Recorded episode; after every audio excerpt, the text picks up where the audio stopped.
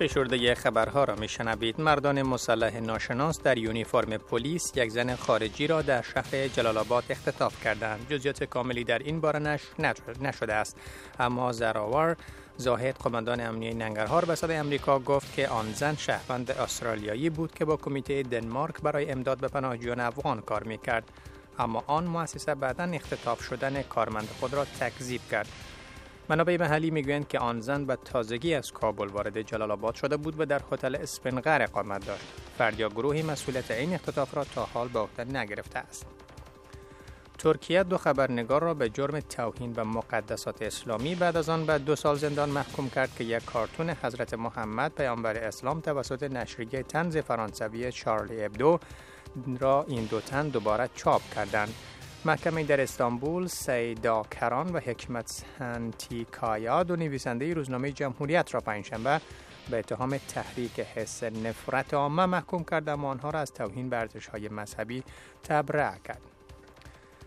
پارلمان اتریش شدیدترین قوانین پناهجویی اروپا را پنجشنبه در پاسخ به بحران مهاجرت در آن قاره تصویب کرد. این لایحه که با 98 رأی موافق و 68 رأی مخالف تصویب شد به حکومت آن کشور اجازه می دهد تا حالت اضطراری را در صورت اعلام کند که شمار مهاجرین ناگهانی بلند برود.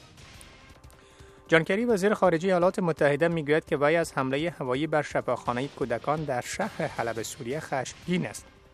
او به طور مستقیم نیروهای بشار اسد رئیس جمهور سوریه را مقصر دانست. این حمله هوایی شفاخانه ای را در تحت اداره دکتران بدون سرحد بود و ایران کرد. وزیر خارجه ایالات متحده از کشورهای شرق میانه به خاطر کار در ایجاد تغییر سیاسی و اقتصادی در منطقه تمجید کرد. آقای کری در مصاحبه ویژه با شبکه تلویزیونی الحرز مسایع کشورهای عربی در جنگ با دهشت افکنان دولت اسلامی تمجید کرد. جان کری گفت در حالی که 66 کشور در جنگ با داعش شرکت دارد، کشورهای شرق میانه به طور عمیقی در این تلاش سهیم هستند. امریکایان افریقایی تبار و لاتین تبار در ایالات متحده بر این باورند که حل بحران خشونت با اسلحه در ایالات متحده همچنین سایر های اجتماعی را که آمریکا با آن مواجه است برطرف می کند. مطلب نتیجه تحقیقات تازه است که گروه استراتژی بننسون آن را نشر کرده است.